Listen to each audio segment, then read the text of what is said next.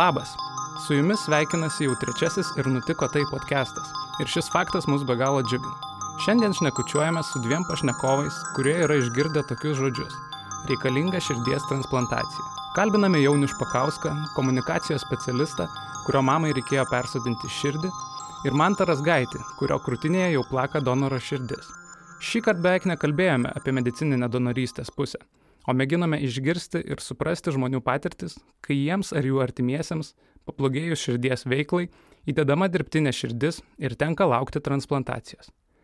Vėliau pokalbis pakrypo link to, kad nepaprastai svarbu kalbėtis apie tai, ką patiriame ir dalintis savo išgyvenimais su artimaisiais bei draugais. Toks kalbėjimas gali padėti suprasti, kodėl mums tai svarbu, nes donorystės rytis su ją mažiau susipažinusiems žmonėms neretai vis dar siejasi su negatyviais stereotipais ir nepagristais mitais. Primename, kad pašnekovų necenzuruojame, o jų nuomonė nebūtinai sutampa su mūsų požiūriu. Tad tai, ką išgirsite apie transplantacijos biurą, kviečiame pažvelgti kritiškai. Juk kiekvieno iš mūsų požiūrį formuoja asmeninės patirtis, kurios ir yra centrinė šio pokalbio ašis. Dėkojame Lietuvos asociacijai gyvastis, vykdančiai nacionalinių, nevyriausybinių organizacijų institucinio stiprinimo projektą, finansuojama socialinės apsaugos ir darbo ministerijos. Nuoširdžiai ačiū tariame ir podcastui muziką sukūrusiai Viltei Žakevičiūtei. Na, o už puikią garso kokybę esam dėkingi Lietuvos nacionaliniai Martino Mažvido bibliotekai.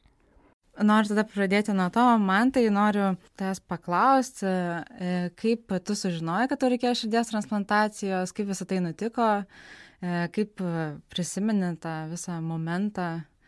Tai tas sužinojimas turbūt nebuvo staigus, nes kai diagnozavo iš vis pirmą kartą širdies lygą, tai, nu, kaip pasakyti, tai iš dalies jau buvo aišku, kad kažkuriam gyvenimo etape tos transplantacijos reikės.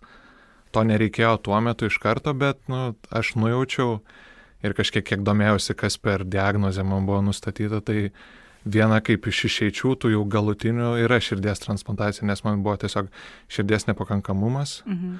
nusilpusi širdis, kuri dar nebuvo antiek nusilpusi, kad jau reikėtų staigiai persodinti, bet buvo tikėtina, kad ji vis tiek silps silps iki to etapo, kai jau reikės. Tai tai ta žinia nebuvo tokia staigi, kaip išgė, nu kaip pasakyti, pati lyga buvo e, staigi labai, nu ta prasme, ta žinia apie lygą, bet ta žinia apie transplantaciją taip kažkaip su laiku vis artėjo, artėjo ir aš ją taip jaukinausi kažkaip savo vidui, garsiai nekalbėdamas apie tai ir kai jau atėjo momentas, kai reikėjo, kai pas, buvo, kaip pasakyti, pirmą kartą įtrauktas į sąrašą, tai Tai gal iš tikrųjų net ne tas buvo galvoja, kad ten reikės transplantacijos ar kažkas, nes tada paumė, kaip pasakyti, pablogėjo būklė mhm. ir tu galvoji apie tos vis tiek kažkokius, nu, dabartinius reikalus, kaip čia dar pagerinti kažką, o ta transplantacija toks, nu, ateis, ateis, nu, kažkaip negalvojau apie tai.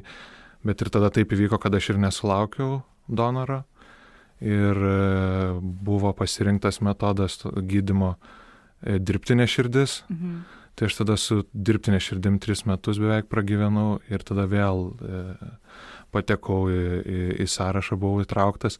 Tai va tas antrasis įtraukimas gal jis buvo toks taigesnis, nes neplanuotas buvo labai, kai, m, kaip pasakyti, su ta dirbtinė širdim gyvenau labai gerai, puikiai jaučiausi ir buvo planas su gydytojais planavom, kad stengtis pragyventi su ja kuo ilgiau, nes kažkaip jį man labai gerai prilipo ir aš su ja susigyvenau ir nebuvo jokių jokių kažkokių šalutinių, nežinau, šalutinių efektų to, to gydimo metodo ir viskas ėjosi gerai.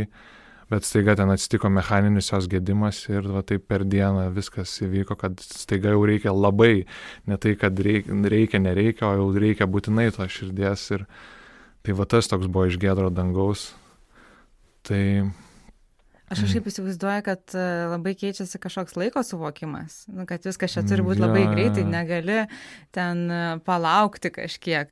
Dabar, kaip pasakyti, sunku atgaminti iš tikrųjų kaip tuo metu, nes kai tos emocijos viena, vienos per kitas lipa, tai, mm, tai dabar net sunku išrišti, bet tas laikas iš vis toks buvo labai greitas ir kai dabar aš ten pagalvoju, ten buvo gal keturios, trys dienos, kai man, tarkim, sugedo ta dirbtinė širdis, buvo ištirta, kad jis sugedo, koks gedimas, kad jis turbūt yra netaisomas, kad reikia donoro jau širdies ir kad atsiranda donoro širdis, tai čia viskas įvyko per keturias dienas, mano laukimas širdies vyk, buvo dvi, nepilnos dvi dienos. Tai va, ir sakau, ir tokie buvo kaip amerikietiški kalneliai, atrodo keturios dienos ir ten trys, nu aš dabar netiksliai negaliu to atsiminti, bet tas laikas tuo metu tai atrodė kaip begalybė kažkokia. Tai, tai vat, labai sunku vertinti, kaip, mhm. tu, kaip nu, nėra kaip pamatuoti net tu tiek ten išgyveni, tu tiek pakyli, tiek nusileidi, vėl pakyli, nu toks, wow, tai. Bet kaip tu pajutėjai, kad e, ta mechaninė dirbtinė širdis kažkas ten atsitiko, tu kažkaip pajutėjai? Ar... Jo, aš pajaučiau, aš buvau. Mm -hmm. Situacija yra tokia, kad ta pompa yra e, maitinama elektra ir tu yra du variantai. Arba tu esi su baterijomis, tai reiškia, kad tu gali laisvai judėti e, ir tau nereikia nu, būti, kaip pasakyti, vienoje vietoje bet baterijos išsikrauna ir tu jas turi kas kažkiek laiko keisti. Arba yra dar e, laidas, kuriuo gali tiesiogiai prisijungti prie elektros tinklo. Tai taip jokingai iš tikrųjų, absurdiškai iš dalies atrodo jo. E, bet jis skirtas miegojimui arba kai esi ten, tarkim, nežinau, kažkur dirbi prie kompiuterio ir kad nereiktų galvoti, tiesiog prisijungi, ten tas laidas kažkur nusivalioja ir panašiai. Ir aš grįžau iš kelionės namo ir kažkaip išsikroviau bateriją, susidėjau jas pasikrauti ir prisijungiau prie to laido ir atsisėdęs prie kompiuterio dirbu ir jaučiu, kad man kažkas virpa, dreba krūtiniai, aš nes, nu, labai keisti pojūčiai, sunku net apibūdinti ir nu, darosi silpna, kažkaip svaigsta galva ir kažkas kažkas, bet taip protarpiais tai vis užeidavo, praeidavo, galvojau, gal čia nu, nemiga ar nežinau, neišsimegosiu esu ir panašiai. Ir nu, tai pradėjo taip kartotis ten valandos bėgi ir tiesiog pasidarė labai silpna, pradėjo sveikti galva, jaučiu, kad nu, gal alpstu, nealpstu, nežinau, kas čia vyksta. Tai išsikviečiau greitąją, tiksliau sesės iškvietė greitąją ir išvežė ir pasirodo, kad tiesiog atsirado laido trūkis viduj organizmo, tos pompos, nuo tuo laidu keliauja elektra ir, ir pradėjo trumpinti tiesiog. Bet, labai viskas elementaru, kad ir ta pompa pradėjo išsijunginėti ir nu, nebe, nebepumpuoti kraujo. Bet ir turėtų pasikeisti tą pati būtis, kai tau įdėjo dirbtinę širdį. Nes vis tiek, jeigu tas laidas, reiškia, jis išeina iš organizmo, turi labai ja. prisižiūrėti. Jo, tai va didžiausia rizika ir yra turbūt tos dirbtinės širdies, kad yra atvira žaizda visą laiką ir tu ją turi labai kruopščiai prižiūrėti, kad e, neišseistų kažkokios bakterijos, ten nepradėtų puliuoti ar panašiai. Tai čia toks vienas ir minusų yra tos sistemos, turbūt. Bet man kažkaip, sakau, kažkaip labai gerai sekėsi ir prižiūrėti ir aš su ja pragyvenau beveik tris metus ir jau, nežinau, pirmi metai gal aišku buvo sudėtingiausi, kai tu turi priprasti prie to, bet aš kažkaip taip pripratau, kad aš net pamirždavau, kaip aš iki tol gyvenau be to. Nu, man tai mhm. tapo tiesiog kaip turi rankas, turi kojas ir turi čia kažkokį daiktą, kurį nešioji ir jis yra tavo dalis, nes tu supranti, kad nu, jis be jo tu niekas esi. tai. O dar truputį grįžtant į tas dienas, kai prieš pat transplantaciją e, Ar gali papasakot, kaip, kaip tu jautėsi, ką tu mąstėjai apie pačią transplantaciją? Ir ten vis tiek spėjau, kad labai ieškojo širdies, nes buvo labai skubus toks. E, jo, momentas. turbūt, nes ten kažkaip tas sąrašas, man atrodo, yra ta standartin, standartinis, ten skubus ir liktais labai skubus. Nu, mhm. aš bijau sumeluoti, nes irgi priklauso nuo diagnozės, ar žmogus ten dar gali laukti. Ir kažkaip yra, kad kai dirbtinės to širdies gedimas atsiranda, tada mechaninis, tai gali traukti ten į skubę eilę, gal, nežinau, iš tikrųjų čia reikėtų turbūt su specialistais kalbėti, kas tai tiksliai žino. Nu, bet jo atvejs turbūt buvo skubus ir, ir tik pamenu, kad e, jau kai buvo nu, diagnozuota, kad čia tas gedimas ir, kaip pasakyti, aš ir kaip ir neturiu ko, ko veikti ligoninį, nes nu, manęs neturi, nieko negali padėti ir mane išleido į, į namus, nes kai aš būdavau su baterijom, m, viskas veikdavo, bet aš prisijungdavau jau prie to laido ir tai, nu, kaip pasakyt, e, pradėdavo gesti, tai, tai nutarėm, kad dabar būsiu su baterijom ir lauksiu tiesiog namie nu, to, to skambučio. Tai va tas buvo, kai tu supranti, kad viskas dabar, viskas yra padaryta, gydytojai padarė, ką gali, jie vis surinko visą informaciją ir dabar tiesiog reikia laukti, jie tave paleidžia ir tu išeini laukti. Tas va, išėjimas, tas laukti, uh, nes supranti, kad viskas daugiau nieko mes negalime, jau ta prasme, gydytojų mano valiai, ta prasme, nebėra jokių įrankių. Ir tas, va, turbūt yra sunkiausia, kad išeini laukti ir tu nežinai, kiek tau reikės laukti. Tas, va, su, suvokimas, kaip pasakyti, kad dabar tavo visa kasdienybė bus pastatyta iš esmės ant laukimo. Čia labai daug nežinomybės. Jo, jo, ir toks, nu, tu net nežinai, kur dėtis.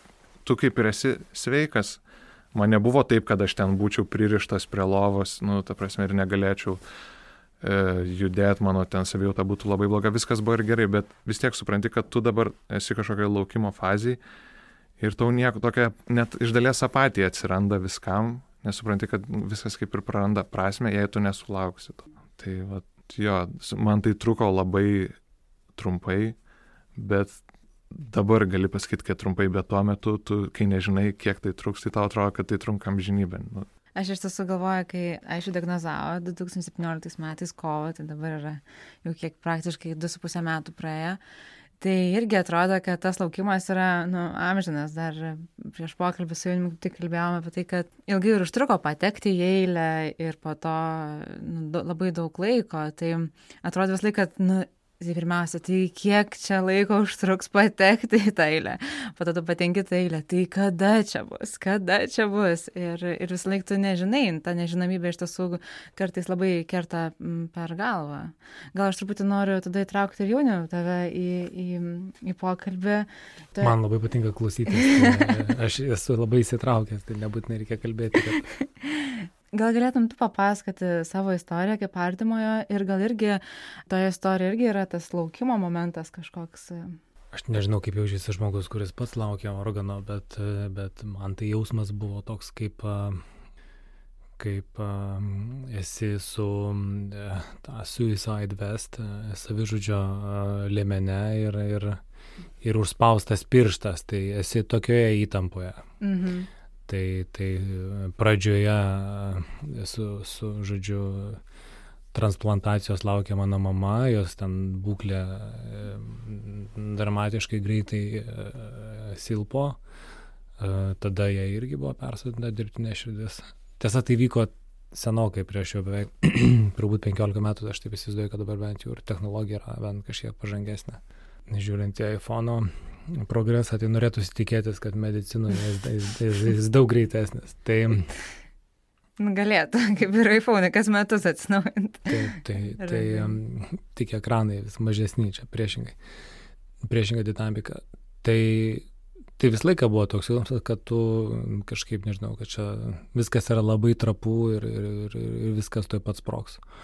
O paskui yra taip, kaip, kaip iš tiesų mes tie, kurie tikime mokslo, o ne, o ne, o ne, o ne kaž, kažkokią efemeriką, tai na, žinom, kad evoliucija rūšis išgyvendavo dėl to, kad ar ne, nu, baisiai prisitaiko. Tai mes žmonės esame velniškai prisitaikantis. Ir paskui viskas tapo įprasta. Mes važiuodavom su mama jo svečius ir visą kitą. Ir, ir buvo netgi komiškų situacijų, kur kur, kur, kur e, mums išvykus e, suaugę vyrai, mamos draugė aldavo su, su, su savo ten paaugliais bernais, tiesiog literaliai žmonės aldavo, krizdavo, nes jiems tai buvo taip taip baisu ten pamatyti tą aparatą, jeigu nieko ten nematai, atėjo moteris su mhm. rankinuku tiesiog ten, mhm.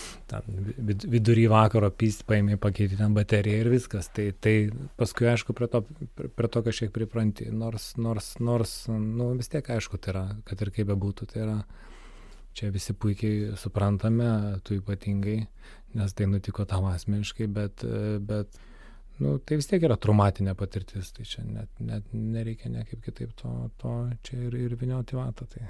O man tai kaip keitėsi tavo gyvenimas po transplantacijos? Pavyzdžiui, aš kaip artimoje galiu papasakoti mhm. man du momentai, kurie pasikeitė po aišio inksto transplantacijos. Tai buvo vienas, kad uh, aš niekaip nesupratau, kaip jis valgydamas, pavyzdžiui, vižinė košę valgo dar šalia rieštus ir bananus, nes e, jeigu žmogui yra blogai su inkstais, tai e, labai yra pavojingi, vis, visas maistas pavojingas, kuris turi kalio, nes tai gali būti mirtina, tai reiškia visi vaisiai, daržovės, riešutai, avinžiniai, nu, žodžiu, viskas. Ir antras momentas buvo, kadangi jis darydavo penkis kartus e, per dieną dializę, peritoninę dializę, tai jeigu kažkas namie sučiažėdavo, koks nors maišelis, nes vis tiek to dializų tirpalai būdavo tokiam plastikui plastike mm, steriliam. Tai man iš karto taip, oh, tai reikia čia dabar jau darys, darysis tą dializę, nors iš tiesų tai ne. Tai aš kažkaip tai po to galvau, kad esi kaip tai iš to pasakojimo e, tas asiliukas, kuris būna aptvertoj zonai, kuri ten nežinau kokia elektra yra juosama ir po kažkurio laiko jau nuima tą tvorą ir jis kaip ir gali jau bėgti po laukus, bet jis nebėga, nes jis yra pripratęs, kad va čia yra va, tik tais tokia teritorija, kur tu gali vaikščioti. Nes tu esi antiek pripratęs prie tų dializų ar prie to, kad negalima, tai nežinau, bulvių, bananų ir kitų dalykų kad e, atrodo labai keista ir, ir kažkaip neįprasta. Tai gal tai irgi kažkokiu buvo momentų po transplantacijos, man nereikėjo, nežinau, krautis baterijos. jo, va, aš tą ir prisiminiau būtent apie tas baterijas, kaip tu sakai, kad kai sučiažėdavo tie maišeliai kažkokie iškart, tai e, kai su ta dirbtinė širdim gyvenau, tai iš esmės, kaip tu išsiaiškini, kad baterija išsikrauna, tai arba tu tikrini ten kompiuterio ekranėlėje, tau rodo tą lygį baterijos, bet iš esmės tai tiesiog pradeda pipsėti, kai ten lieka, nežinau, pusvalandis ar valanda laiko, kad baterija jau pasiekė minimumą beveik ir nu jau prašytumėm pasikeisti.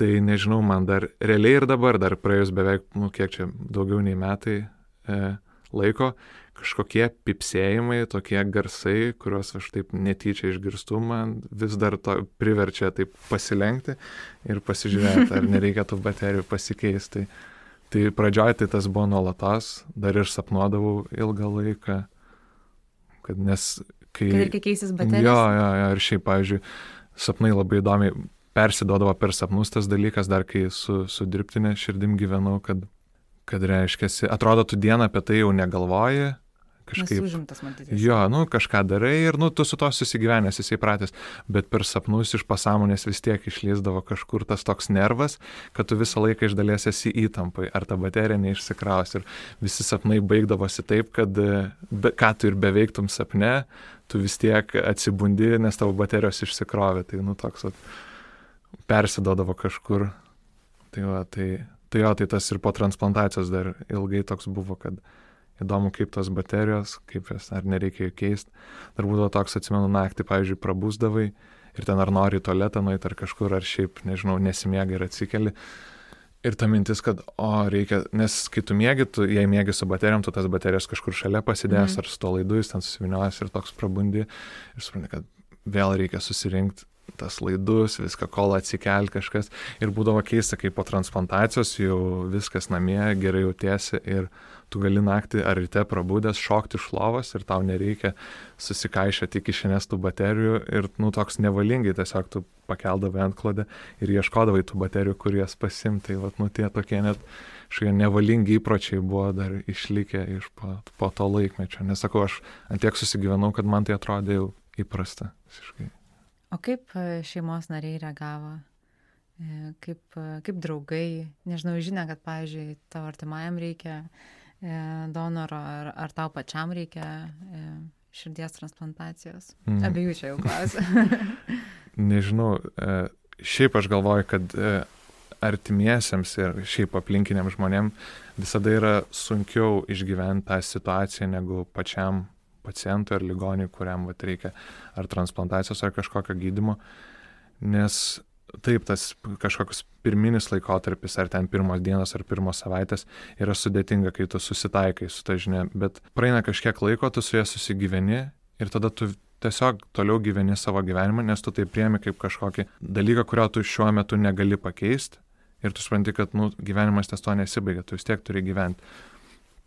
O man atrodo, kad e, aplinkiniam yra tas toks išlieka e, nežinau, nervas, kažkokia įtampa, kad nu, jie nori padėti ir jie nežino, kad tu susigyvenai ar nesusigyvenai, jie vis tiek mato tą nu, kažkokį, kad žmogus serga ir panašiai, ir jie visą laiką tame. O tu supranti, kad nu, tu turi tai priimti kaip duotą reikalą kažkokį ir, ir, ir nu, net kartais pamiršti, kad ar tu sergi, ar tu ten nešioji dirbtinę širdį, ar tu lauki transplantacijos, ar kažkas tas ištirpsta kažkur, o man atrodo, kad, nu, kaip pasakyti, aplinkiniam yra daug sunkiau. Tai ir, o kai tą žinią išgirsti, tai,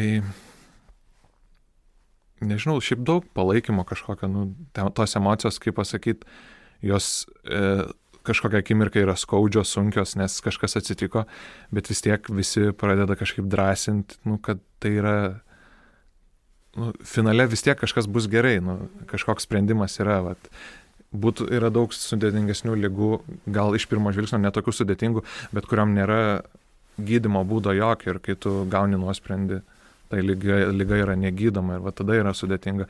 O čia, kad ir kokia ta lyga yra sudėtinga, tu vis tiek žinai, kad nu, tavęs laukia transplantacija ir tai nėra kažkoks siaubas, tai kaip tik yra kaip geras dalykas dovana. Nu, tau kažkas, pat, nu, ta prasme, yra šansų, kad tu būsi išgelbėtas, nežinau. Tai kažkaip, nu, man atrodo, kad visai, visai, visai teigiam, nu, toks dvipusis tas jausmas, nežinau, kaip apibūdinti. Jis ir skaudus, bet, nu, finale tu vis tiek suvoki, kad tai yra, kad viskas išeis į gerą kažkaip. Bet nėra pykčio, kad, pavyzdžiui, tau tai nutiko? Arba jauniau ir nejauti pykčio, kad tavo mamai taip nutiko, kad, na nu, nežinau, nebūtinai pykčio, gal kažkokios kitokios neigiamos emocijos, kur yra... Tai tą emocijų karuselę, manau, visi pragyvenam, tai, tai normalu ir, ir, ir, ir neigiame, ir pykome, ir dėrėjomės e, su gyvenimu, su, nežinau, su kažkas su dievu dėrėjosi, kažkas dar. Bet e, o, reagavom turbūt ir aplinka, taip pat reagavom, mes reaguojame dalykus taip, kaip tik mums išeina. Tai, mm. tai, tai e, yra nemažai žmonių, kurie, kurie serga ir iš tiesų jie, jie išgyvena tą, ir aš galiu tą suprasti, bet jie išgyvena iš tiesų, na, pykčių ir, ir kažkokią agresija, kuri, manau, jos, jos, jos pačius labiau, labiau, labiau išgyvena. Mano mamos atveju buvo taip, kad nu, mums buvo lengviau dėl to, kad jinai labai norėjo gyventi ir tai žiūrėjo labai, na, nekeikė nei likimo, nei, nei, nei, nei savęs, nei gydytojų. Ten nemaža dalimi toje situacijoje jinai atsidūrė dėl tam tikrų ten gydytojų darbo broko, bet, bet aš niekada iš jos negirdėjau ten kažkokių prakeiksmų, nu, tiesiog taip nutiko. Bet, Aš tiesiog na, visą laiką taip į viską gyvenime žiūrėjau. Tai, tai, tai ir aplinkiniai, tai dalis kažkaip re, re, reagavo šiaip, šiaip savo, kiti, kiti priėmė, mes kažkaip priėmėm tą kaip, kaip gyvenimo išbandymą, kažkokį projektą, kurį turi nu, įveikti. Mhm. Tai, o, o keikdamas likimą tu to projekto, tai nepadės tau tą, tą, tą projektą įgyvendinti. Gražiai skamba tas žodis projektas, kita vertus tai yra gyvybė ir mirtis ir, ir, Ir turbūt po to žodžiu projekto yra nu, sunkesni vis tiek tie išgyvenimai. Tai taip, nu ir, ir, ir, nu ir kad ir kaip bebūtų, kad ir, kad ir koks ten vienas įvykis, uh, sektų kitą. Man dabar visas tas laikotarpis apskritai labiau primena prisiminimus apie kažkokį filmą, nes ištisi epizodai ir apskritai netgi išsitrynę iš atminties, čia tiesiog psichika save saugo. Tam, tam tikrų momentų aš net nebegaliu atsiminti, aš kaip girtas buvau ar kažkoks apdujintas, nes tiesiog tai buvo tam tikros ten streso, nežinau, matyti perviršiai, kiek jau žmogus nebe, ne, nebegali e, pakelti. Nu, kita vertus, aš dabar esu visai nu, šioks toks ten neblogas krizių valdymo specialistas. Man, man, man, aš, stresinė, aš stresinėje situacijoje e, žiauriai neblogai konsoliduojasi. Man nelabai sunku yra išmušti iš, iš vėžių taip, kad aš nežinočiau, kaip čia dabar reikėtų pasielgti. Tai yra kažkoks silver lining tame e, neišvengiamai. Bet čia yra žmogaus nuostatos klausimas, man atrodo. Tai mano mama į tai žiūrėjo kaip į... Nu, visokių ten akimirkų buvo, bet, bet tikrai jokių ten prakeiksmų likimų nebuvo, nes nuo, nuo to gyvenimas nei, nei gerėja, nei, nei, nei blogėja, gal veikiau blogėja tikrai.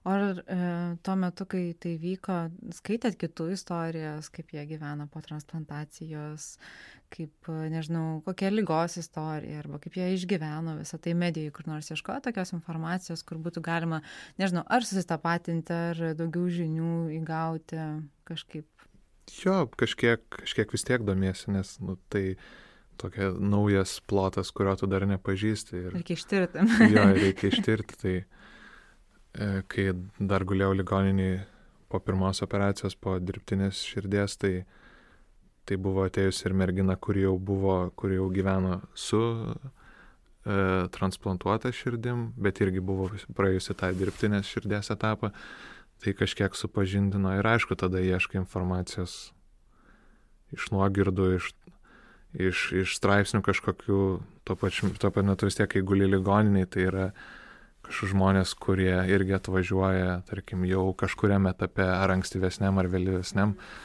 tai, nu, ta, ta informacija vis tiek iš, kažkur, iš kažkokių tinklų ateina, bet iš esmės tai tiesiog gyveni ir kiekvieną dieną vos nemokais iš, iš savo patirties, iš kiekvieno, kaip pasakyti, kuo daugiau dienų nugyveni, tuo daugiau skirtingų situacijų pamatai ir vis, vis darosi lengviau turbūt. Aš tai, aš pasėmiau mamos e, lygos istoriją, tuo metu jinai nebuvo samoninga, ten po, po, po pirmos operacijos, nes buvo jos labai sunki būklė ir absoliučiai kiekvieną žodį googlinau. Tai kartais net, šiaip esu gana įžulus žmogus, tai aš kartais net ir e, pasiginčytau su, su, su daktarais, nes tuo metu man atrodė, kad aš labai gerai čia suprantu, kas čia vyksta.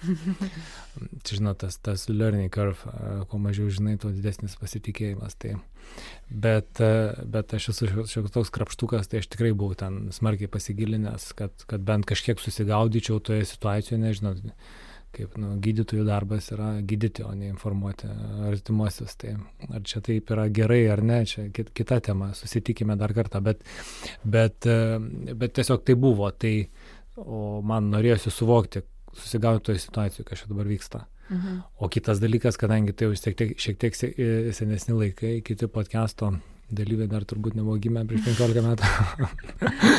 Na, gal dar buvo. Jokauju. Tai, e, tai, tai buvo laikai iki, iki socialinių tinklų, tai nu, ir informacijos klaidos šiek tiek tempai buvo kiti. Tai, tai dabar yra lengviau tos informacijos gauti. Tuo, tuo mhm. metu dar ten ar, mama kaip pirma moteris, kuriai buvo širdis transplantuota, nu, iš dirbtinės širdies. Tai,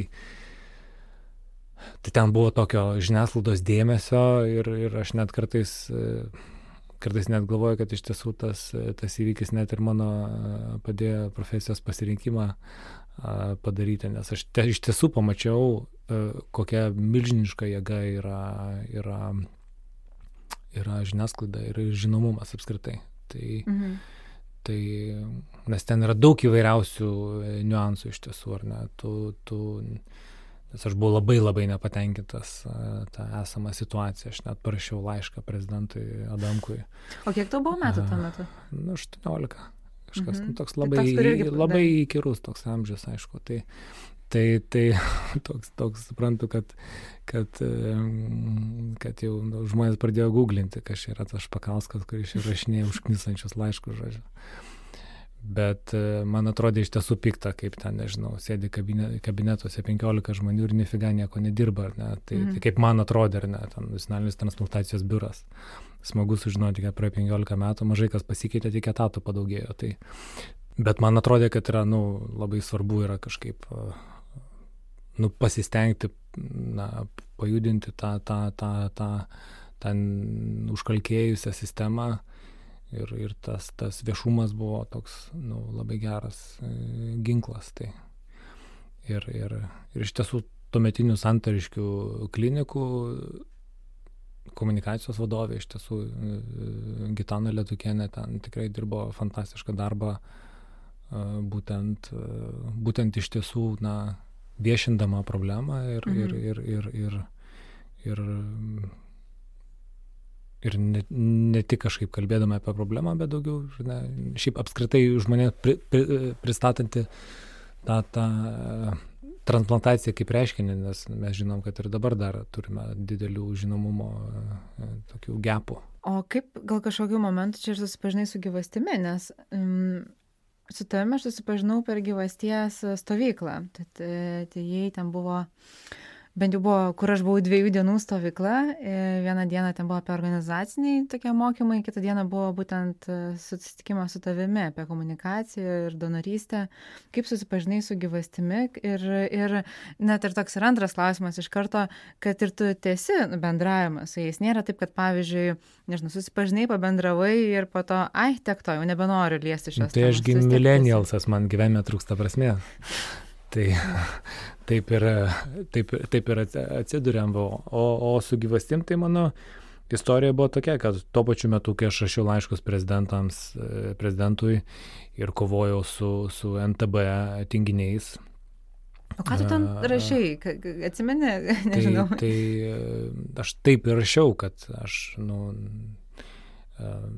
einu į tą biurą, matau žmonės ilsisi, aš jiems užduodu klausimus, jie nelabai supranta, mhm. ko aš noriu ir, ir, ir apskritai, kam, nu, kam čia jie tokie reikalingi. Tai, tai dabar dar galėčiau vaizdžiau aprašyti, tai, tai negu tada, bet, tai, bet apart to, nežinau, šiek tiek gal net destruktyvaus veikimo, tai aš nu, veikiau taip, kaip man tuo metu atrodė įmanoma, kad aš, kad aš rašiau kažkokį sprendimą. Mhm. Tai, tai, tai aš taip ir susipažinau su, su, su, su Gaiva gyvastyje Kaune.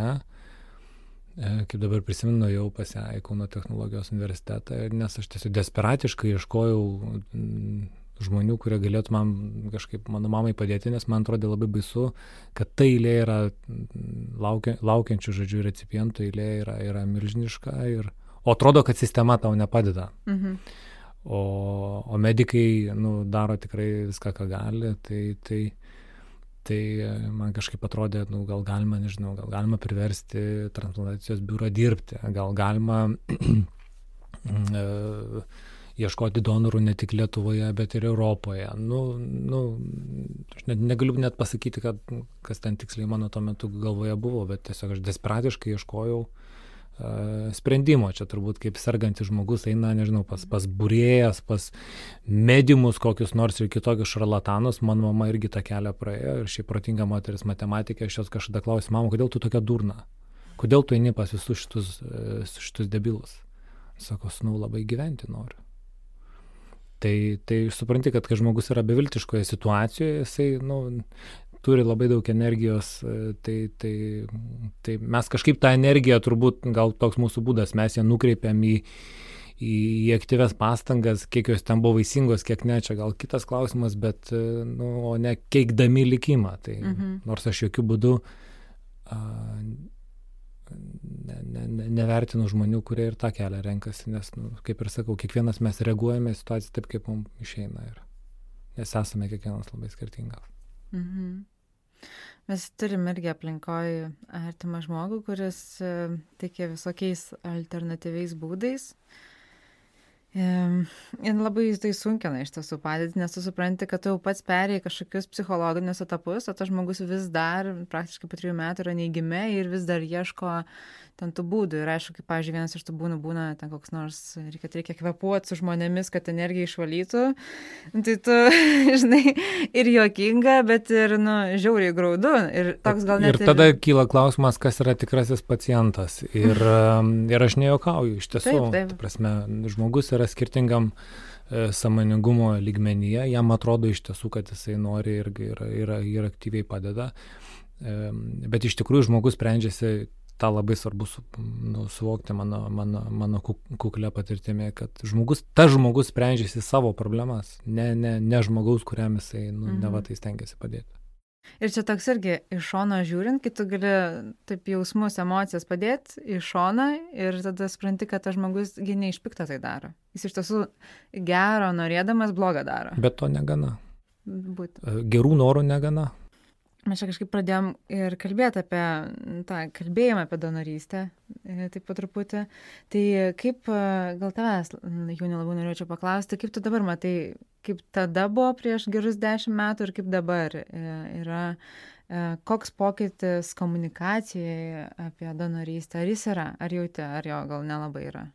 Vienas dalykas, kas, kas tikrai yra reikšmingai kitokio. Yra, mm. nu, kad ir tokie pokalbiai kaip šis. Tai kalbėti tapo lengviau, nes mes visi turime, mes visi galime kurti turinį, visi, galime, visi turime daugybę kanalų ir jeigu -hmm. sugebame rasti tinkamą žinutę ir parinkti tinkamą kanalą, mes, žinai, mes, mes jau esame žiniasklaidos e, kanalas ir, ir, ir, ir mūsų, mūsų idėjos gali sklisti tai, tai tas yra didelis, didelis, žinoma, palengvinimas. Anais laikais buvo viskas visiškai kitaip kur buvo keletas centralizuotų kanalų ir tu ne, turėjai prieš, prieš, prieš juos šokti. Mhm. Kita vertus yra be abejo ir kitas lasdos galas, kadangi visi gali kurti turinį, tai reiškia, kad yra beproto daug informacinio triukšmo, beproto. Mūsų attention spanas, nėra lietuviško tinkamo vertimo mūsų ar ne tas, tas minimalus laikotarpis, kada mes galime sutelkti dėmesį į vieną e, dalyką, vidurkis yra apie 7 sekundės. Nuskamba labai keistai, bet iš tiesų, nu, pradėkit skaityti knygą ir pasižiūrėsit, mintis šokinėja. Tai esame toje dėmesio ekonomikoje, yra ir toks terminas attention economy, tai, tai na, nu, reikia nemažo kūrybiškumo iš tiesų, kad, kad, kad mūsų žinutė išgirstų. Tai transplantacijos žinutė, kuri savo na, prigimtyje yra nu, gana negatyvi, ta prasme, kad kol mes esame sveiki, mes nenorime apie tai galvoti. E, yra, yra sunki žinutė, ją yra labai labai sunku, sunku komunikuoti. Kai matai vat, jauną gražų žmogų kaip mantas, kurio yra gera istorija, šiek tiek yra lengviau bet, e, bet yra krūva ir kitų istorijų ir čia yra didelis iššūkis, o kaip jas papasakoti. Ir kaip jas papasakoti kažkaip pozityviai. Mano mama 12 metų e, kaip mirusi, bet aš, bet aš galvoju, kad mano, mūsų patirtis yra labai gera. Aš niekada nejaučiu jokios nuoskaudos. Santaršių klinikos, man žinokit, yra kaip, vaikam Disneylandas. Man tiesiog iš tikrųjų man yra ten gera grįžti. Man tai yra kažkokia vilties ir, ir, ir, ir, ir laimė žemė. E, nes e, žinai, jinai dovanoja laiką su pačiu brangiausiu žmogumi dar daug, daug metų, kaip man atrodo, nu kokį turbūt, nežinau, ketvirtadalį mano gyvenimo pratęsia mhm. su santykio e, su, su, su mano mama. Tai čia yra, čia yra visiškai aфиgenai. Tai, tai, nu, turbūt net, net ir tokią istoriją gali pasakoti kažkaip per, per, per, per, nu, per kažkokią, na, šviesų filtrą. Aš kažkaip dabar atsiminiau tą reklamą, mm, kai buvo, kol tu lauki prietinio, kažkas laukia inksto ir kita buvo, kol tu lauki kokteilę penktadienį vakarą, kažkas laukia širdies. Nu, panašiai skambėjo. Tai aš prisimenu, kai mačiau tą reklamą apie prietinį inkstą, tai aš susimaščiau Bet tiesą pasakius, aš nieko neturėjau aplinkoje, kas lauktų. Aš net, nu, man atrodo, čia toks tolimas, tolimas dalykas, čia gal net Lietuvoje ir nevyksta. tai tas istorijos, turbūt tos asmeninės, yra labai svarbios, kad, nu, tu žinai, kad čia kažkas šalia. Ir aš manau, kad net ir iš draugų, ir turbūt ir jūsų draugų, ir artimųjų, daugiau žmonių sužinojo apie donorystę, transplantaciją ir, ir gal net mažiau mitų jų galvose yra, nes čia kažkas šalia laukia, sulaukia ir, ir nu, visai keičia požiūrį. Tai kai ta žinutė yra tokia labai tolima kažkur, kažkam ir dar čia apie mirtį, o Dieve, kažkas čia iš manęs gal nori to organo, žinai, tai toks arba irgi buvo ta laukia LT performance, kur mirštu kaip noriu gyventi. Tai iš tas taip nu, labai stipri frazė. Gal dalyvavot, nežinau, iš tam performance? Ne, bet girdėjau, jinai mane pasiekė. Bet mano filtras gal yra kitas, aš naujienas apie, apie donorystę šiaip filtruoju. Mhm.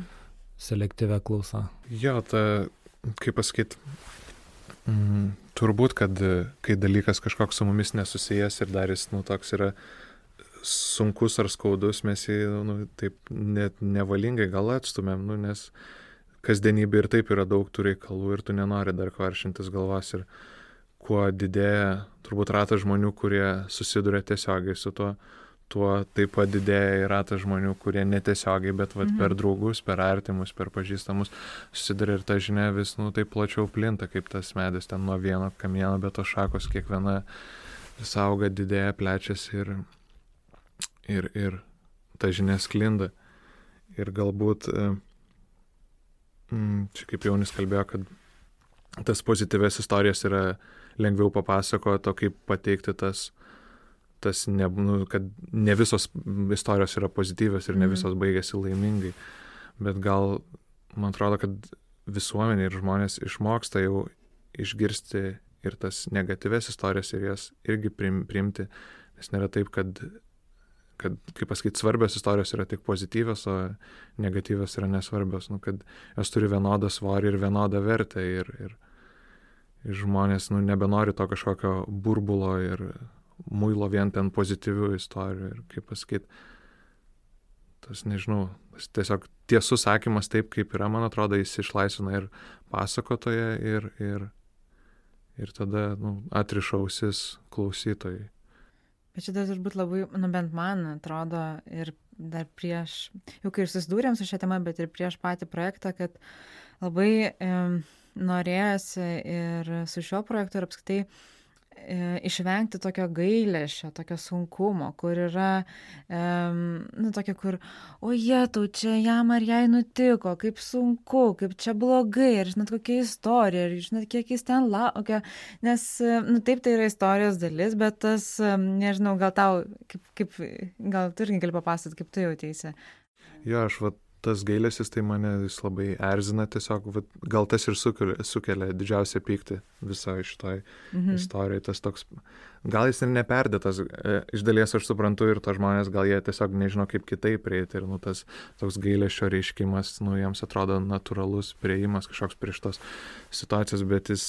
Tu, Asmeniškai mane aš negaliu atsakyti už kitus žmonės, bet turbūt gal ir kiti panašiai jaučiasi kad jis tiesiog erzina ir nu, jis maskuoja tą situaciją.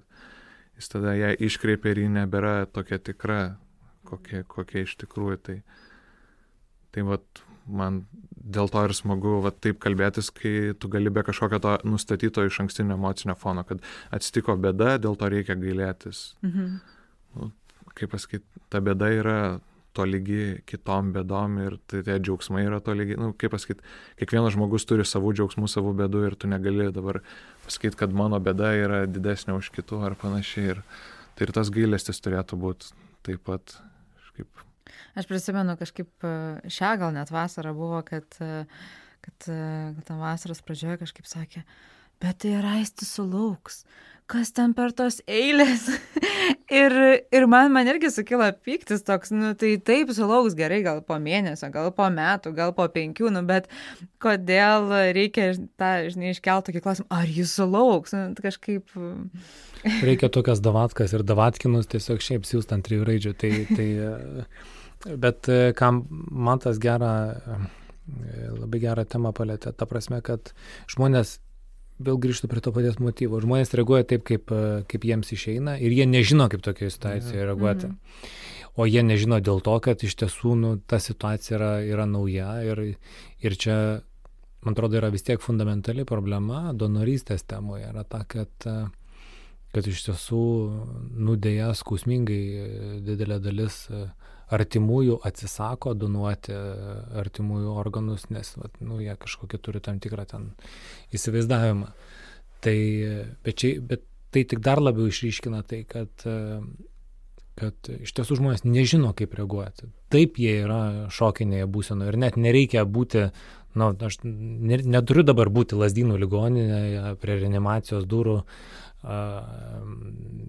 tame šoke, nežinau, ten, ar ne, laidojantis, nedaug dievę, kažkokį artimą žmogų, bet, bet net, ir, net ir šiaip, ar ne, vat, aš sutinku žmogų, vat, su ta pačia dirbtinė širdimi, kaip čia man dabar reaguoti ir, ir kaip yra normalu reaguoti. Tai kaip čia man yra, koks yra etiketas, ar ne, kaip man, kaip man tavęs ne, ne, ne, neužgauti ir visą kitą. Tai, tai jau nekalbant apie tai, kad mūsų postkolonialistinėje visuomenėje mes apskritai nu, su empatija turim didelių problemų, net, net tai, tai net nežinau, kaip čia, kaip čia reikėtų reaguoti. Tai, tai, tai aš, aš net savo patirtyje net, net, net negaliu atsiminti kažkokio atveju, kaip, kaip aš reagavau į kitų žmonių reakcijas, mhm. bet, bet dabar man atrodo, kad, kad vis tiek yra,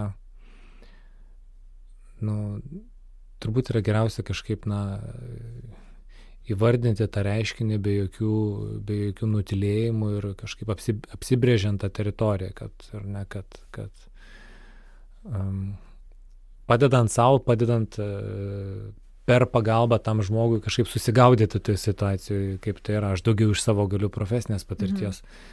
Sakyti, kaip, kaip ar ne mes na, darėme tam tikrą kampaniją, kaip, kaip e, keleiviams Lietuvoje, ar ne ten įsėdus į bol pavėžėjo automobilį reaguoti, kurį vairuoja kurčios vairuotojas, pavyzdžiui. Mhm. Tai, tai žmonės iš tiesų reaguoja labai ten įvairiai ir, ir jie reaguoja did, absoliučia dauguma atveju labai pozityviai, bet jie vis tiek nežino, kas yra primtina ir kas ne. Mhm. Tai čia irgi yra, ne, nu, mūsų sveikųjų užduotis yra, tai mums yra iššūkis kažkaip pradėti tą diskusiją, paaiškinant, kas yra primtina ir kas yra neprimtina. Nes man atrodo, kad čia blogos valios elemento yra, nu, nu, nėra turbūt, čia, čia daugiau yra, kad nu, tiesiog aš nežinau, kaip tokioje situacijoje reaguoti, jinai man yra nauja.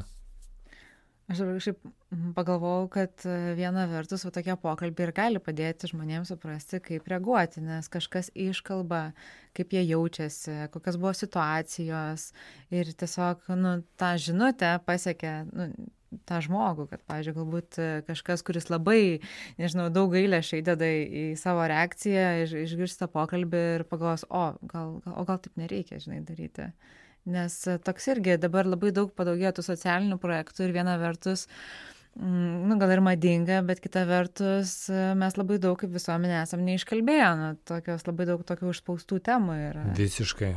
Oi, be galo. Ko tik Lietuvoje nėra. Turime greitą internetą, bet jau sekso tikrai nėra. Pas mus, pas, pas mus tiek daug dalykų iš vis neegzistuoja. Neįgalių žmonių pas mus nėra. Ne, ne, nieko. Pas mus smurto šeimoje nėra. Tai, tai daugybės dalykų pas mus nėra. Čia labai geras aspektas iš tiesų. Nu, 50 metų įsivaizduokit, gyvename suraukę užpakalius ir dabar staiga vat, įvyko išsilaisvinimas ir dabar tiek reikia, tiek reikia nusuvirškinti, ką sveika normali visuomenė įvairų, įvairūs debatai nor, normaliai dešimtmečiais vyksta, mums reikia per 30 metų, suprantate, nu, pasivyti. Tai, Tai nemažas iššūkis. Tai ačiū Dievui, turim greitą internetą. tai visą laimę, tai. Be jo nebrauku. nu, tai koks klausimas, pysti ir googlinį. Nu, tai. Bet, žinai, kažkaip irgi toks, pažiūrėjau, mes čia dabar sukūrėm podcast ir aš galvoju, tų podcastų tai yra, nu, tiek daug dabar apie viską. Tai tiesiog atsidaro žmogus, nežinau, podcast. žinai, ir ten mato dešimtimis jų. Ir, ir kaip, kaip, pažiūrėjau, kaip tokiam socialiniai projektui jam, nu, nepas, nu, nepranykti toje jūroje. Čia irgi toks turbūt e, svarbus klausimas, kuriant projektą ir apstai komunikuojant apie donorystę ar ir kitas socialinės pro problemas. Tai aišku, kad čia yra niša, e, bet e, aš galvoju, ar ne, kas yra, kas yra, kas yra mūsų pokalbio klausytojai. Ir man atrodo, kad pirmiausia, tai mūsų pokalbio klausytojai yra tie žmonės, kuriems labiausiai reikia tokių pokalbių. Mhm. Ir čia mhm. turbūt yra didžiausia vertė yra tie žmonės, kurie dabar yra visiškoje tamsoje ir jie, ir jie ieško, ieško atramų. Ir manau, kad, kad lygoje ir apskritai bet, kur, bet kurioje labai skaudžioje situacijoje, kur atrodo, kad vilties nėra, yra natūraliai žmogiška tendencija, impulsas, instinktas yra ieškoti atramų. Tai, tai, tai dalis tų atramų yra Be abejo, turbūt svarbiausia atrama vis tiek yra artimieji, dalį yra tas žinojimas, bent bandymas susigaudyti, kas su manim vyksta. Kitas dalykas, kuris tikrai vienareikšmiškai labai padeda ir čia yra grupinės psichoterapijos, koks yra triksas, tai ne dėl to, kad taip yra pigiau, supranti, vienas psichologas ir, ir, ir, ir krūva kenč, kenčiančių, bet e, grupinės psichoterapijos tikslas yra vienas paprasčiausias yra. Parodyti, kad tavo situacija nėra unikali O atrodo, kad jinai yra unikali iš tiesų ir kad mano, mano, kad, kad mano kentėjimas yra mhm. unikalus. Mm. Bet iš tiesų šiek tiek palengvėja, kai supranti, kad, okay, žiūrėk, kad, kad aš nesu nenormalus, jeigu išgyvenu tos jausmus ir tada dar mano vidinis teisėjas dar vertina, ar mano čia, aš gal netinkamai reaguoju, gal čia aš ištižau šią akimirką, palūžau, mhm. nu, va šitą, va, ne, šitą konkrečią akimirką gal ir kažkaip taip neturėtų būti. Bet tada pamatai, kad iš tiesų, na, tą, tą, tą spektrą visi pereina ir tai, ir tai, ir tai, tai, tai nežinau, net psichinės sveikatos požiūrį yra normalu. Ir dar turbūt aš kažkada suvokiau visai, kad uh, nėra taip, kad, tarkim, yra koks neįgymo epizodas, po to ten pykčio, nu, tie visi, kur būna gėdėjimo, pavyzdžiui, penkios, ten to, penki etapai. Tai nėra taip, kad jie eitų nuosekliai, būna, kad, nežinau, tris dienas pyksti, pyksti ten mėnesį neįgy ir po to, žiūrėk, vėl grįžti į pyktį, po to, nežinau, į atleidimą, po to susitaikai, po to ten, tai, nu, labai gyva yra, nėra tokios schemos, kaip dabar tu turi tai išgyventi. Tai ir, kaip į vonę įmestas katiniukas. Tai, jisai šokinėja ir sugeneruoja labai daug, žodžiu, ir triukšmo, ir purslų, ir visa kita. Tai, tai taip. Ir reikia iš tikrųjų nebijot, nu, leisti tom emocijom pasireikšti irgi ir nereikia jų slopinti tiek to pykčio, tiek kažkokio neįgymo, nu, viskas turi turėti savo laiką. Ir, ir tiesiog, bet e, iš kitos pusės ir tom emocijom visiškai nepasiduoti ir stengtis analizuoti, kodėl tu taip galvoji. Ir nežinau, man, pažiūrėjau, e, negaliu sakyti, kad to pykčio nebuvo visiškai, vis tiek kažkokiais momentais užžeidavo, mm. nu, bent tu viduje pagalvodavai, kodėl man šitą situaciją atsitikdavo. Ir, ir kažkoks pyktis ant kažko tada atsiranda, kad kodėl ne kažkam kitam, aš lyg nieko blogo nedariau, gal mm -hmm. ar mhm. kažkas panašaus. Kodėl ne Henrikui daktarui? nu, ja. Bet ta pykti vat labai padeda numalšintas dalykas, kad tu supranti, kad nu, tu nesi toks vienas ir e, visiems žmonėms kažkas atsitinka ir tau atsitiko toks dalykas, bet -hmm. kažkam atsitiks kitas dalykas, trečiam atsitiks dar trečias dalykas. Ir va tas tada, nu, kažkaip tave gražina į tas vėžės, kad, nu, okei, okay, aš gavau, va, nežinau, nu, man tai yra supaprast, labai e, padeda supaprastinti iki kažkokių elementarių dalykų. Aš gavau užduotį tiesiog, nu, mat, nežinau, tu eini ten į mokyklą, į darbą, kažkur gauni kažkokias užduotis, mhm. projektus, kažką, va, kaip tu sakai, projektas. Tai, tai yra projektas užduotis, su kuria tu turi dorotis. Kai tu ją taip supaprastini, tą lygą, tą kažkokią baisę lygą, kuri atrodo čia viską uždengia, tu ją supaprastini iki kažkokio mažo dalyko ir tada žymiai lengviau pasidaro su ją kovoti kažkaip. Tai... Galiu skaitinį rekomenduoti. Yra toksai, toks e, Kanados intelektualas, šiaip visiškas mezoginistas, seksistas, homofobas, šiaip pasikėlęs gaidys, bet būna kartais, kad ir mizoginistas, seksistas, homofobas ir pasikėlęs gaidys pasako teisingų dalykų. Kaip Tomas Venslovas sako, ir nacijų kartais pasitaiko pasakyti teisingai. Tai... tai Tokia gera frazė. Tokia profesija. Tai pieštuką nuolat galandam. Tai, tai Tai yra jo tokia dabar e, popsinė, kultinė knyga, kurią rekomenduoju perskaityti 12 gyvenimo taisyklių. Ir, ir, ir aš toje knygoje vieną tik tai dalyką išskaičiau, kuris man labai patiko. Tai, kad iš tiesų gyvenimas yra pilnas kentėjimo. Ir, ir nu, tai kaip ir liūdnas dalykas, ar ne, išgirsti. Bet iš tiesų gyvenimas toks yra. Ir jeigu dabar nekenti, tai, tai nu, labai tikėtina, kad po penkerių metų vis, vis tiek kentėsi. O jeigu nekentėsi tu, kenties žmonės, kuriuos labai myli, turbūt kentėsi dvigubai. Tai, tai toks yra gyvenimas. Ir, ir jeigu tą priimi, mane tas suvokimas, jis, aš iki jo jau labai, labai daug metų, bet, bet mane tas suvokimas savotiškai išlaisvino, nes šiuolaikinė visuomenė mums grūda visiškai kitą popkorną. Mums sako, kad gyvenimas iš tiesų yra daina ir, ir nu, to kentėjimo nėra. Visi čia tiesiog aptekę, žodžiu, doleriais, e, fainai, fainai gyvena visi laimingi. Nu, iš, iš tiesų mhm. taip nėra. Ir, ir supranti, kad ir net nuo to nėra kažkaip labai baisiai ypatingai liūdna. Nu, toks, toks, toks gyvenimas visą laiką kažkaip e, eini ratu. Tai, tai ir, ir, ir, tą, ir tą priimi, kad, nu, kad, kad tiesiog, kad nu, rytoj bus kita diena. Ir turbūt net nereikia būtinai mm, sa, savo pūsti tą myglą, kad va, rytoj būtinai bus geriau, bet man momentaliai šiek tiek, šiek tiek visada įtampa nuslūksta, kai aš, kai aš savo pasakau, čia toks labai senas išmintingas žmogus visą laiką sakydavo, nu, kai labai sunku tiesiog prisiminti, kad rytoj bus kita diena. Ir to, to kita diena kartais, nu, šiaip yra žiauri daug. Nes mhm. iš tiesų kažkaip tu išsimėgėt, kažkokas ta, ta, ta neviltis jau būna praėjus, gal biški yra šiek tiek sušikta mhm. nuotaika, nes tavo rūpešiai nifiga niekur nedingo, bet kažkaip į tą situaciją šiek tiek žvelgiu, šiek tiek, šiek tiek kitom akim. Nu ir tu stoji vėl iš naujo ant kojų ir mhm. eini į tą situaciją ir nu jie, man mama kažkaip sakydavo, kad žinau, iš vaikystės toks, kad, na, ne, ten, gal iš mokyklos situacijos ar kažkur darželis, nežinau, kur, nu, turi kažkokių problemų didelių ir ten atrodo, nu, jos neišsispręs niekaip ir skaito, nu, kad ir koks didelis dramblys yra, nu, jį reikia po truputį valgyti mhm. ir, nu, jis kažkada susivalgys, tai, nu, tas pats ir su lyga. Tu gali panikuoti, ten nervintis, kaltinti, mhm. pykti begalę laiko. Bet, nu, tu vis tiek ateis ta diena, kai tu turėsi suprasti, priimti tai, kaip tai yra ir eit gyventi, nu, nes nėra kitos išeities ir kažkaip, kai tu savo tai pripažįsti, nu, vat, kaip tu sakai, tas labai išlaisvina. Tai ir tada taip palengvėja, kad nu, netaip ir baisu pasidaro. Prisiminiau istoriją, turėjau pokalbį su Vida ir Darim ir čia buvo gyvoji donorystė, aš manau padovanoju inkstą vyrui. Ir sakė, kai ten buvo labai toks ilgas etapas, kai, kai ten kokius dvi savaitės darė tyrimus įvairiausius, ar tikrai gali būti e, donorė vida. Ir, ir sakė, taip smegenis dirbo, kad tu dabar galvoji, dabar reikia padaryti tą tyrimą, tu padarai tą tyrimą, tada galvoji apie kitą tyrimą, ček padaryta, tada tyrimai praeiti, ček, tada galvoji apie daktarų konsiliumą, praeina jisai, ček, galim ir toks visą laiką, kad m, tu vis po tokį etapą vis, nėra, kad tu ten tokį didelį paveikslą matytum, tu vis galvoji, taip, būtent tas dramblys po, po kasniuką.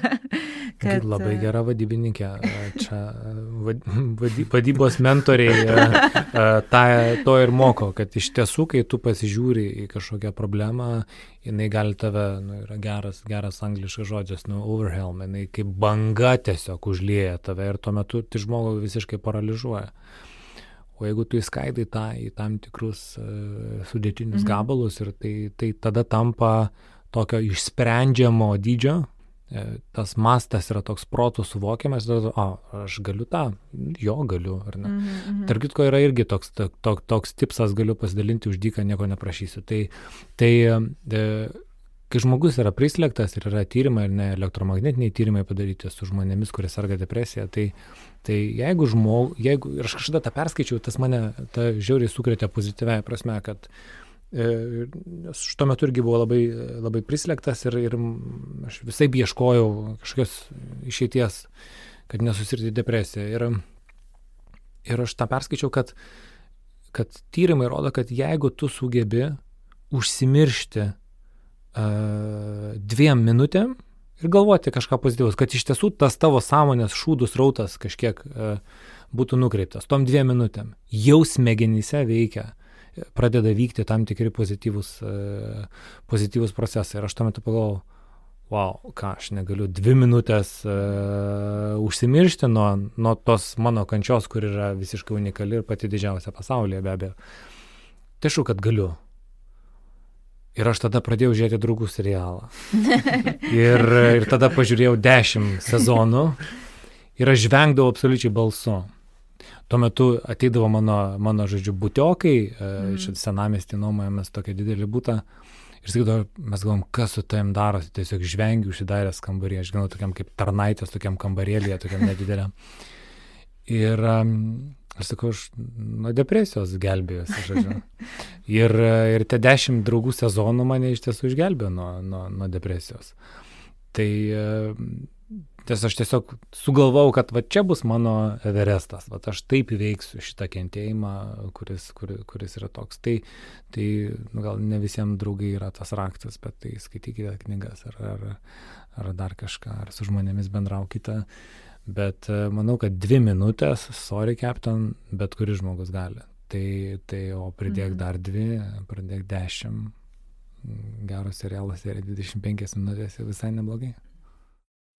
Aš dar kažkaip gal jau link pabaigos, bet um, kažkaip toks yra leitmotyvas vis laik kalbant, pavyzdžiui, su gydytojais, bet ir apskritai e, su žmonėmis, kurie susijęs su šią temą, kad nu, bus geriau, bus geriau, kad e, jau ateityje tai tikrai pagerės visas donorystės ir procesas, ir, ir, ir gydimas, ir visuomenės požiūris. Kaip jūs tai matot? Ar irgi taip pozityviai, ar visgi yra kažkokia, nežinau, sakykime, distancija nuo to? Pozityvaus matymo, kad viskas tikrai bus gerai ir dar geriau? Nu, visų pirma, man atrodo, kad jau yra pakankamai gerai dabar. Mhm. Ir nematau priežasčių, kodėl tai neturėtų gerėti.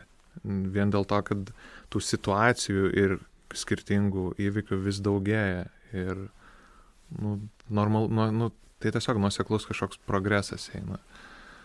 Ir mhm. kažkaip, nežinau, aš tai, tai optimistiškai žiūriu ir ne, nekyla man kažkokių pesimistinių minčių, kal galvojant apie būtent donorystės tą visą procesą, nes jis aišku labai sudėtingas, labai daug grandžių ten veikia mhm. ir nežinau, kuo daugiau žmonių apie tai sužinos, tuo, tuo tik viskas išlaisvės ir nu, kažkokiu nukris labai daug sunkinančių aplinkybių nuo to Ir tada viskas galės net gal kitą pagreitį kažkokį įgyti. Gal dabar viskas pakankamai dar lietai juda, vien dėl to, kad ta terpė, kurioje sklinda ta žinia, tokia labai suspausta, bet nu, vis didėja, didėja, plečiasi ir kažkada tas kažkoks, mhm. nežinau, duris maksimaliai atsidarys. Ir, ir nežinau, aš kažkaip tai taip optimistiškai žvelgiu. Ne, nežinau, kiek tas optimizmas yra pasvertas, bet Aš manau, kad, kad geriau nebus, geriau bus, nebent mes tai padarysim. Tai, tai aš kaip, bet vis tiek, rimtai kalbant, tai aš kaip pesimistas į ateitį žiūriu optimistiškai. Tai manau, kad, kad greitų laikų tikrai mūsų, bent jau transplantacijos problema, esu tikras, išspręs mokslo pažanga ir, ir, ir, ir tiesiog mes, mes būsime tokiu, tokiu sudėtingų klaidų ir mokymosi kelių perėję, e, perėję šitą sudėtingą kelią, apie kurį rašys istorijos vadovėliai.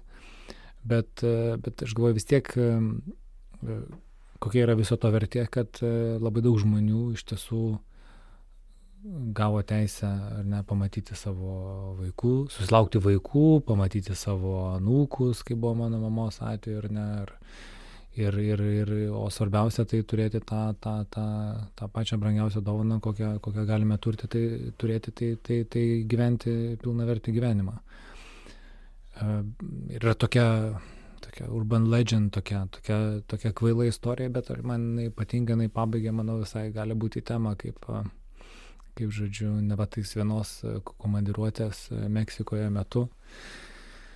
Vyras negalėjo užmygti nežinau, gal šaudė, šaudė prie viešbučio, ką čia gali žinoti, visgi Meksika. Ir išėjo pasivaikščioti e, e, palį vandenyną kažkada pareičiais. Ir, ir tolumoje pamatė kažkokį žmogaus siluetą, kuris kažką pakelia ir įmeta atgal į vandenyną. Ir prieė sako, tai ką tu čia darai? Aš sako, matai, dabar yra vat ką tik buvo potvinis, jau prasideda atoslūgis ir visos tos vat, e, žvaigždės, kurios, jūros žvaigždės, kurios išmetos, išmestos ant kranto, jas reikia sumesti atgal į vandenį, kitaip jos e, žus. Tai ir mėtau. Aš sakau, ar tu supranti? Nu, žinot, amerikonas. Bet supranti, taigi čia yra beviltiškas darbas, taigi čia yra nu, milijonai tų žvaigždžių ir, ir čia jų vis, ir, ir, ir rytoj jų bus dar, dar daugiau. Tai tu nieko negali pakeisti. Sako, nu kaip, nu gal ir negaliu, bet šitos jūros žvaigždės likimą tai galiu pakeisti.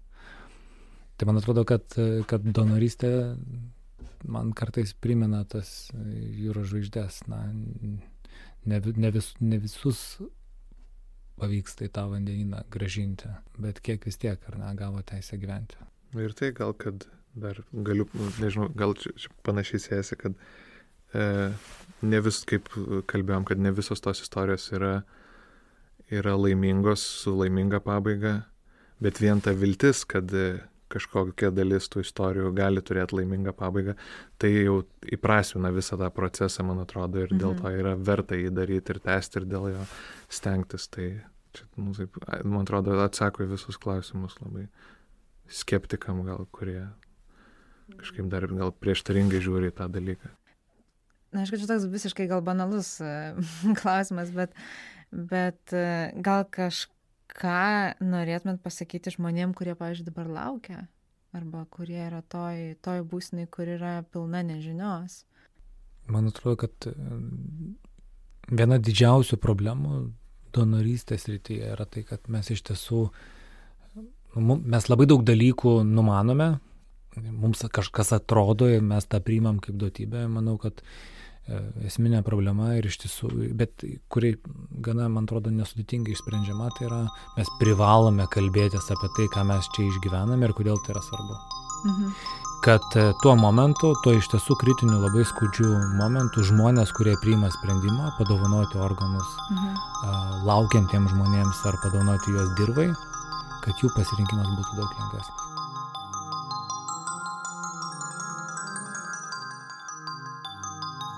Ačiū labai, kad klausėte.